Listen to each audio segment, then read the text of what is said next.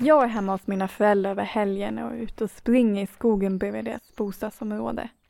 Det har precis regnat och lukten av blöt mossa hänger i luften. Minnena från barndomen väcks till liv när jag springer min vanliga runda. Där på klippan hade vi nästan alltid picknick med dagis, oavsett väder. Här på stigen blev min hund biten av en huggorm. Där på ängen plockade vi varje midsommar lupiner. Och på den där stocken satt jag och övade på sången till min mormors begravning. Den här skogen är verkligen fylld av minnen. Mina minnen.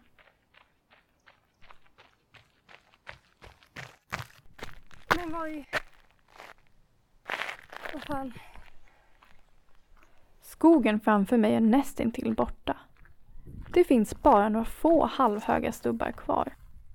Skogen där jag förgäves letade efter kantareller med mormor och morfar finns inte längre.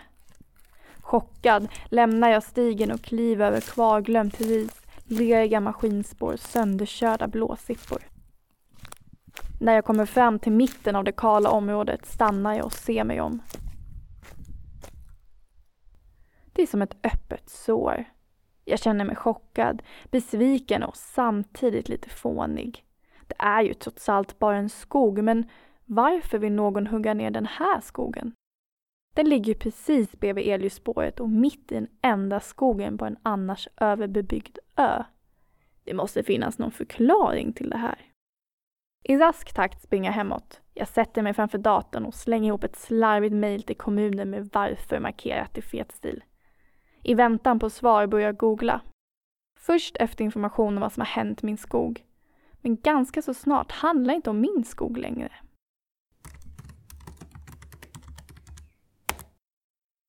Mer än 60 procent av alla skogar i Sverige har huggits ned sedan 1950-talet.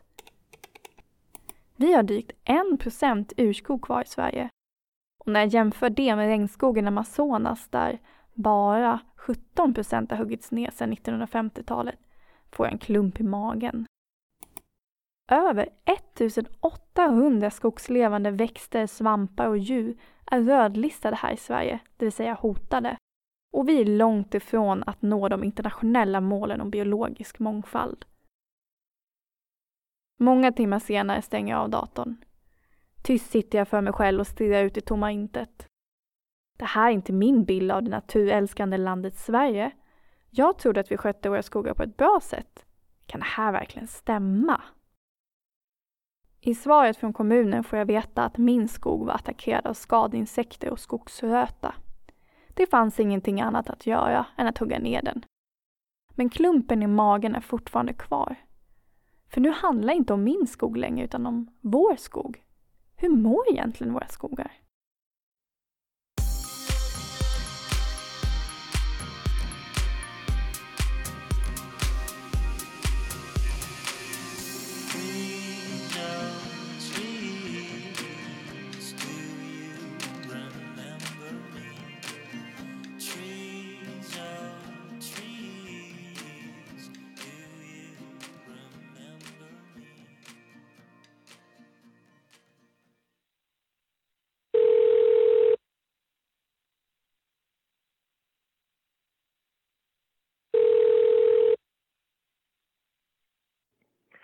Välkommen till Sveaskog.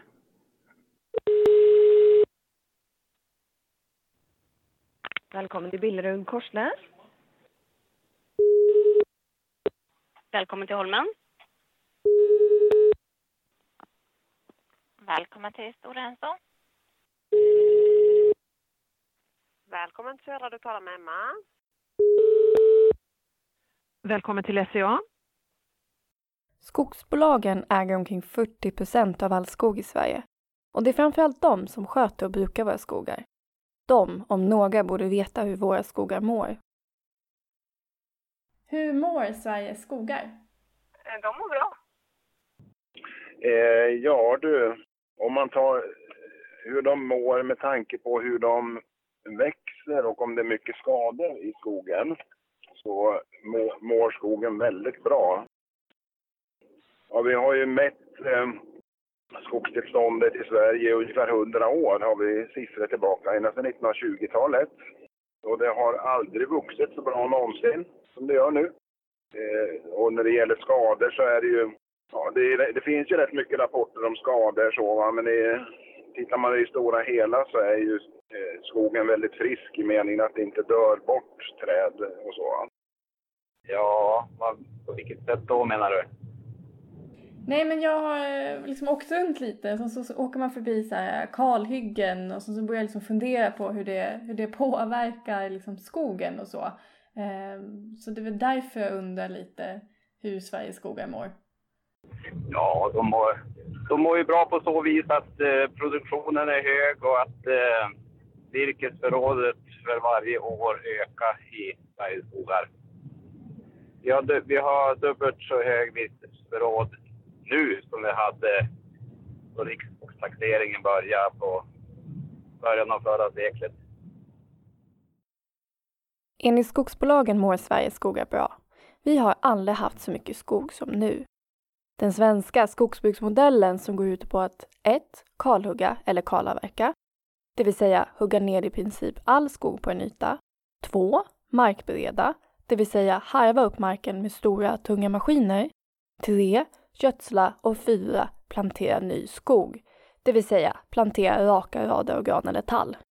Den här metoden har alltså gett Sverige mängder av träråvara och gjort oss till en väldigt stor skogsindustrination. Vår välfärd bygger mycket på vår skogsindustri.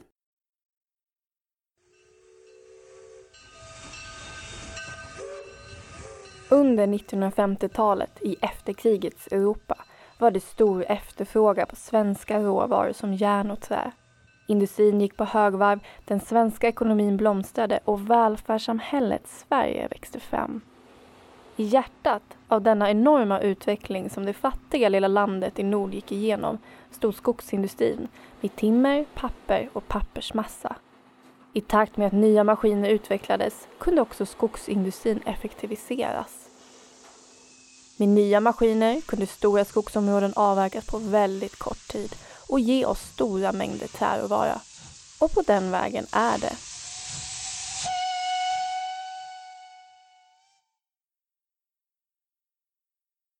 Inte mycket har hänt på över 60 år. Vi använder samma skogsbruksmodell då som nu. Faktum är att Sverige, som har mindre än 1 av världens totala tillgångar av skog, är världens tredje största exportör av massa, papper och sågade träråvaror. Hur går den ekvationen ihop? Mår verkligen våra skogar bra som skogsbolagen påstår? Hur mår Sveriges skogar? Skit. Så enkelt är det.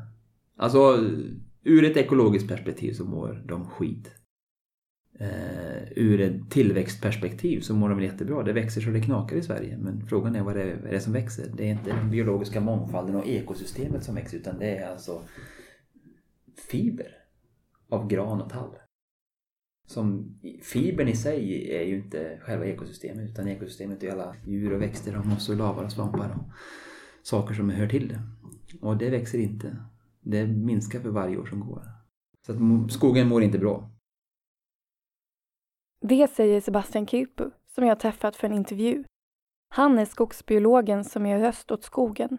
2011 blev han utsedd till Årets miljöhjälte av Världsnaturfonden och 2014 var han lyssnarnas sommarvärd i Sommarpratarna i P1 där han tog med oss lyssnare in i skogen. Skogen mår alltså skit enligt honom. Det var inte vad skogsbolagen sa till mig. Inte heller sa de att skogsbruket är en av anledningarna till att skogen mår skit. Den så kallade svenska skogsmodellen innebär ju att vi kalhugger skogar för att sedan plantera ny skog. Vad blir konsekvensen av att hugga ner alla träd och buskar? Det är väl en total utarmning av det naturliga och skapa någonting som är onaturligt efteråt. Och det är där jag menar att, att naturliga skogar ser ut på ett speciellt sätt medan onaturliga skogar ser ut på ett helt annat sätt. Även om nu skogsindustrin, de, de vill inte gärna kalla någonting för kalhyggen. Utan de brukar kalla det för föryngringsytor nu då. Det är det nya. Man ska försöka försvara sig med fina ord istället. Då. Så det är klart att det kommer ju ske en föryngring där genom att man planterar. Det kommer ju ske föryngring där även om man inte planterar. Men då kommer det komma en massa löv i första hand. Det finns ju alltid några arter, sådana här generalister, som tycker om den här öppna ytan. Eh, men de är jag inte speciellt orolig för i framtiden. Det är sällan de är rödlistade. För jag menar, vi har ju, det är ju inte så att, det, att vi lider brist på kalhyggen direkt i det här landet.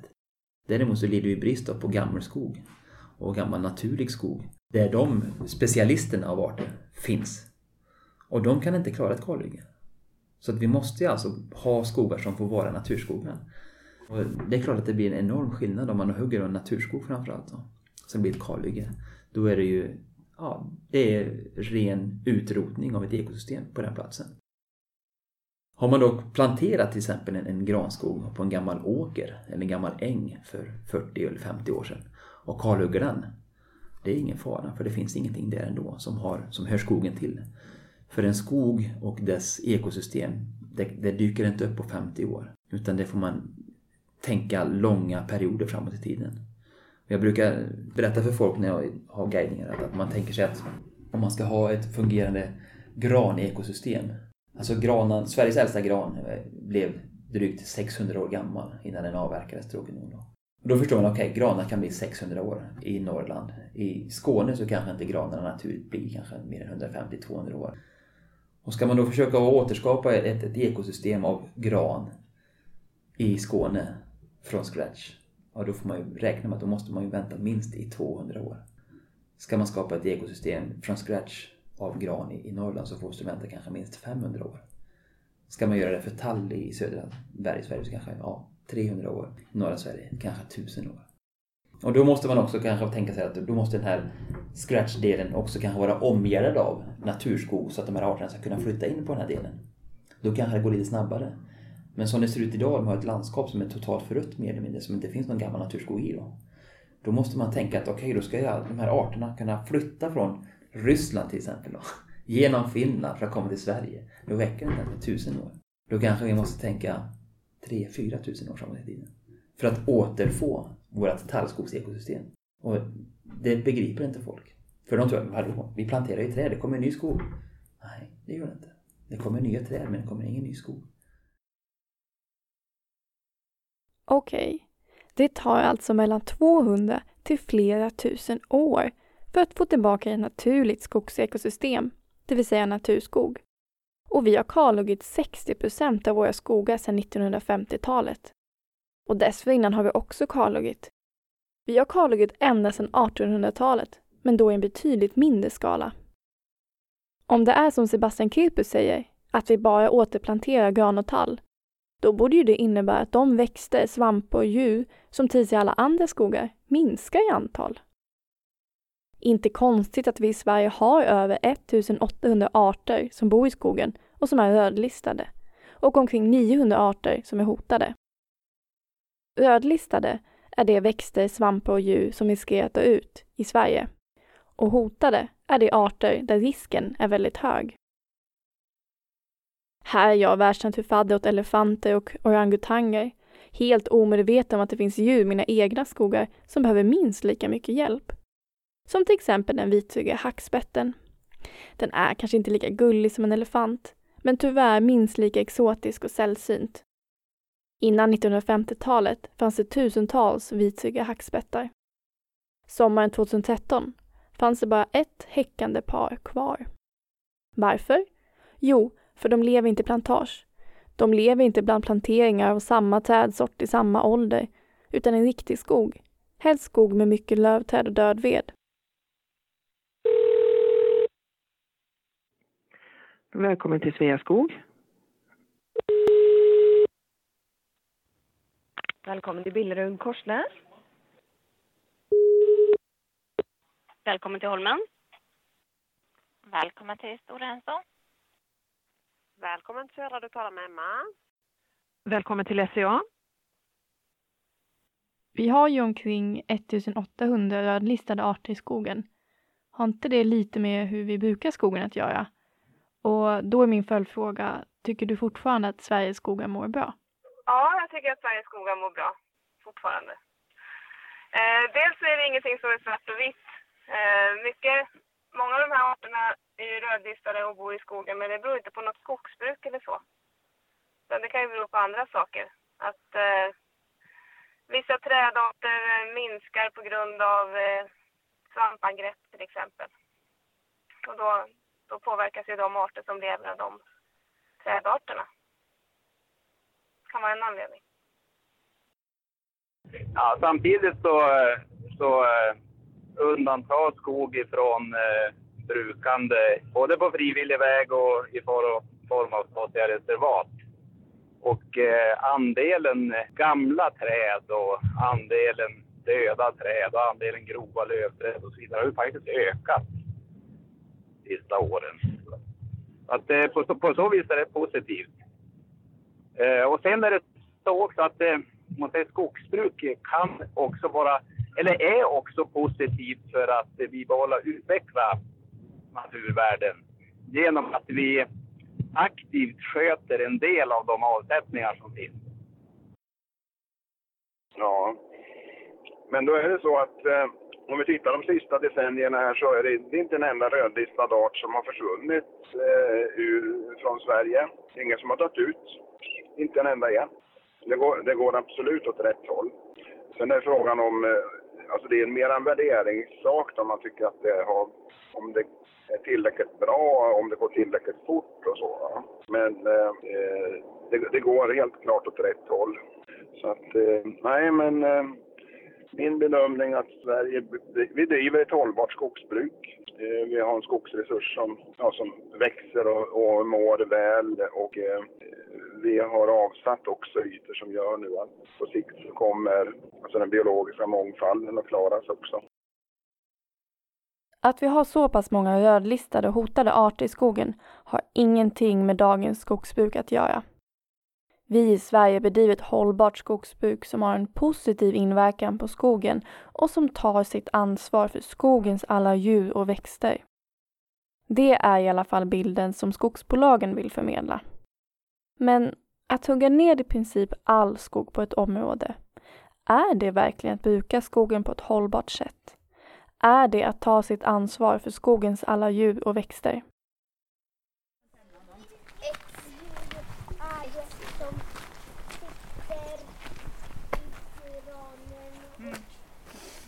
Vad, vad är skog för någonting? Där det finns många träd. Så är det. Vad är skog frågade jag. Ett ställe med flest träd, där flest träd finns. Det är ett stort ställe med en massa träd.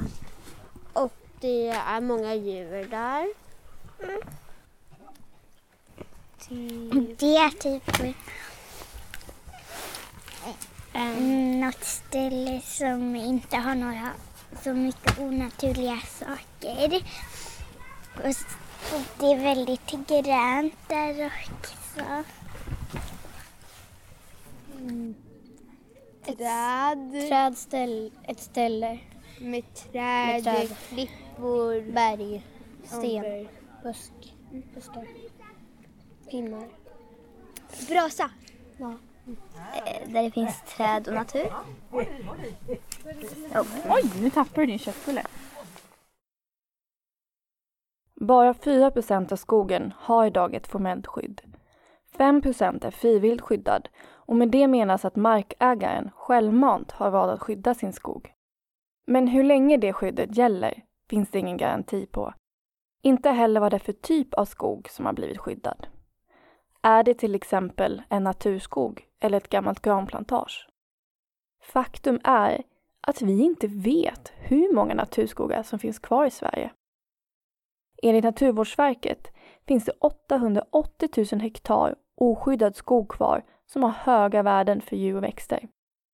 Det motsvarar omkring 3,8 procent av den produktiva skogen. Men den här siffran är inte helt säker. Det skulle faktiskt kunna uppgå till hela 6,4 procent. 6,4 procent av värdefull skog som finns kvar. Det är troligtvis mer än bara skadeinsekter och svampangrepp som har påverkat hur våra skogar ser ut. Hur påverkas vårt landskap av en sådan skogsbruksmodell? Ja, vi får ett landskap som är väldigt monotont. Eh, vi får ett landskap som är väldigt mörkt Eh, granskogar i södra Sverige, det är väldigt mörka skogar. Eh, vi får eh, ett väldigt tråkigt skogslandskap. Det är jättesvårt att säga så egentligen och tycka att man har rätt för att det här är ju, att, att vad man tycker om en skog är egentligen en åsikt. Men den svenska skogsbruksmodellen har inte skapat en, en, en mångfaldsrik skog eller ett mångfacetterat ansikte eller landskap utan det är ett väldigt, väldigt enhetligt landskap.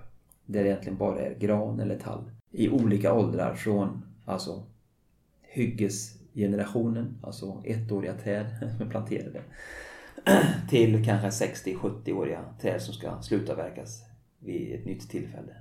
Alltså ännu en kalhuggning. Och eh, det, det fanns förr i tiden åtminstone så pratade man väldigt mycket om något som kallas för bondskogar. Och bondskogar var sådana skogar som aldrig har kalavverkats men som har skötts utav markägaren. Han har varit där och plockat de döda träden och tagit de träd han skulle kanske renovera sitt hus eller någonting. Va? Och plockat bort alla döda kvistar och saker. Så de såg ganska sån här... De var väldigt fina. Fast kanske inte jättebiologiskt mångfaldsrika för att den döda veden är oftast den absolut viktigaste delen av skogens ekosystem. Då. De flesta arterna finns ju på död ved. Men eh, det var fortfarande skog. Det fanns träd i olika grovlek, i olika höjd, olika slag. Men även de här bondskogarna är nästan borta idag. För det finns inga markägare nästan idag som, som sköter sina skogar på det sättet. Utan de låter då skogsbolagen komma hit och göra ett kalhygge. Och sen blir de då förmodade att, att plantera om den här huggna ytan med nya granar istället. Ja. Södra Sverige och tallar i norra Sverige oftast. Så att eh, den svenska skogsbruksmodellen har verkligen tagit bort all skönhet på något sätt. All mångfald. Mängden lövträd i och sådana saker. Och idag finns ju inte det. Det är otroligt mörka skogar. Inga gamla träd, inga döda träd. Det, skogsbruksmodellen, den svenska, är inte en bra förebild, om man säger så. Fast den gärna vill vara det. Den har genererat mycket pengar. Och eftersom vårt samhälle och hela, hela vårt Samhällssystemet bygger på just generera ekonomisk tillväxt, inte ekologisk tillväxt, tråkigt nog. Så då är det klart att då kan ju de slå sig för bröstet för de har ju skapat någon sorts typ av ekonomisk tillväxt som är ja, respekterad. Men eh, den har verkligen inte skapat någon sorts hållbarhet ur ett ekologiskt perspektiv. Vilket jag tycker borde respekteras mer. Men svensk skogsbruksmodell, den är... Nej, fy fan. Det är en skamfläck faktiskt, måste jag säga. Dystert nog så, så marknadsförs den ju till i resten av världen som att det vore världens mest miljövänliga skogsbruk. Då. Men den svenska skogsbruksmodellen är inte unik egentligen. Det pågår exakt samma sak nere på Borneo. Man kalhugger urskog eller naturskog och sen sätter man dit eh, en virkesåker av oljepalmer. Eller så är man i Brasilien och skövlar urskog Sen sätter man dit en virkesåker av eukalyptusplantage. Så det är svenska Skogsförbundet exakt samma lag. Men det är borta, när den sker i Brasilien eller på Borneo eller någon annanstans i Indonesien, då blir vi svenska skitförbannade. Det är för jävligt säger vi. Men när vi gör det här hemma, då är det bara att köra på. Då förstår du hur den svenska skogsbruksmodellen och skogsindustrin har prackat på den svenska allmänheten en lögn, alltså en sanning som är fabricerad, som passar deras ärenden i vårt hem. Men när den görs någon annanstans, då är det bara skit alltså. Så galet alltså. Så galet. Kalla den änglamarken eller himlajorden om du vill. Jorden vi ärvde och lunden den gröna. Vildrosor och blåsippor och linblommor och kamomill. Låt dem få leva, de är I Sebastian Kilpes sommarprat i P1 fick vi följa med honom in i en gammelskog. Det vill säga en skog som har funnits där i flera tusen år och som aldrig har kalhuggits. Han berättade om sin passion för skogen och förtrollade oss med sina beskrivningar av lavar, mossor och svampar. Men mot slutet av sommarpratet bryts förtrollningen och den mystiska gammelskogen byts ut mot enorma fält av virkesåkrar. När du var sommarvärd i P1 2014 ja. så målade du faktiskt upp bilden av Sveriges skogar som en virkesåker. Ja. Är det så det ser ut? Ja, tråkigt nog. Det, men eh, det, det, det, det dystra är att människor ser inte detta. För att man brukar prata om att ett mannaminne är tre år. Så det man har sett under de här tre åren, eller kanske innan det, det, det är på något sätt etsat sig fast som, som en grundprincip. Och har man då sett då virkesåkrar, hur de ser ut. Man åker bil till jobbet eller någonting eller man åker på semester så. Då ser man bara virkesåkrar. Och den här inpräntningen av det här sättet att se på skogen. Den blir på något sätt som en eh, ryggmärgskänsla. Så här, det här är skog. Så tänker folk. Så fort de ser granar, det är skog. Ser tallar, det är skog. Eh, och eh, då eh, blir det som så att de tror att virkesåkern är en skog fast det inte är en skog. Då. Och det är så reklam fungerar också. Jag menar, om du varje dag får se att du ska köpa en platt-tv som är 55 tum stor då, då gör du det till slut. För att det blir norm i din vardag, i din ryggmärg på grund av marknadsföringen. Och man kan säga att varje plantage som är skapat och som är gallrat och välskött och ser ut som en pelarsal när den är 60, 70, 80 år gammal. Det blir en marknadsföring av skogsbrukets Eh, som säger, norm som blir även norm i samhället sen. Så att virkesåkrar är det ju verkligen överallt i Sverige. Men eh, vi tror att det är skog. Så det, det är tydligt om man nu börjar titta på skogen med ekologiska ögon. Och skulle fler människor ha lite mer kunskap om biologi och ekologi i skogen så då skulle alla genomskåda detta. Men eh, kunskapen lyser med sin frånvaro. Så vi vet inte hur mycket naturskogar som finns kvar i Sverige. Vi planterar bara plantage av gran eller tall. Vi har väldigt många hotade arter. Det finns nästan ingen urskog eller gammelskog kvar. Och vi är långt ifrån att nå de internationella målen om biologisk mångfald som Sverige undertecknade 2010 de så kallade Nagoya-målen, där vi till 2020 ska stoppa utrotningen av alla arter samt skyddat 17 procent av vår skog. Men vi är världens tredje största exportör av massa, papper och sågade träråvaror.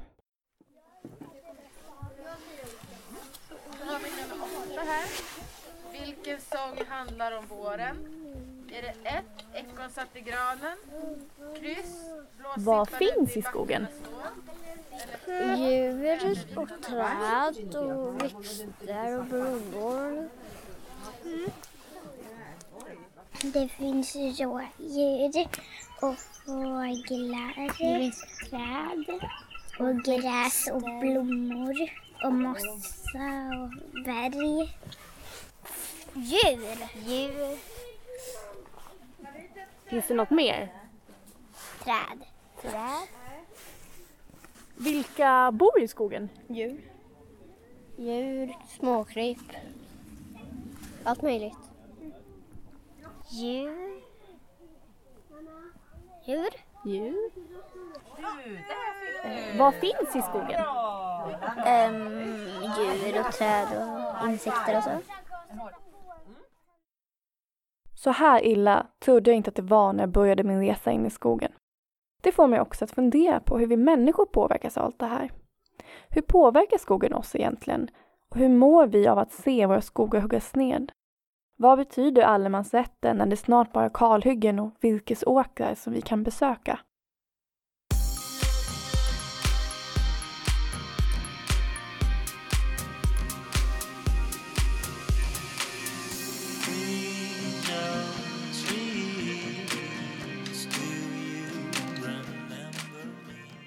Jag heter Petra Mattsson och du har lyssnat på podcasten Det var en gång en skog, avsnitt 1 av 4.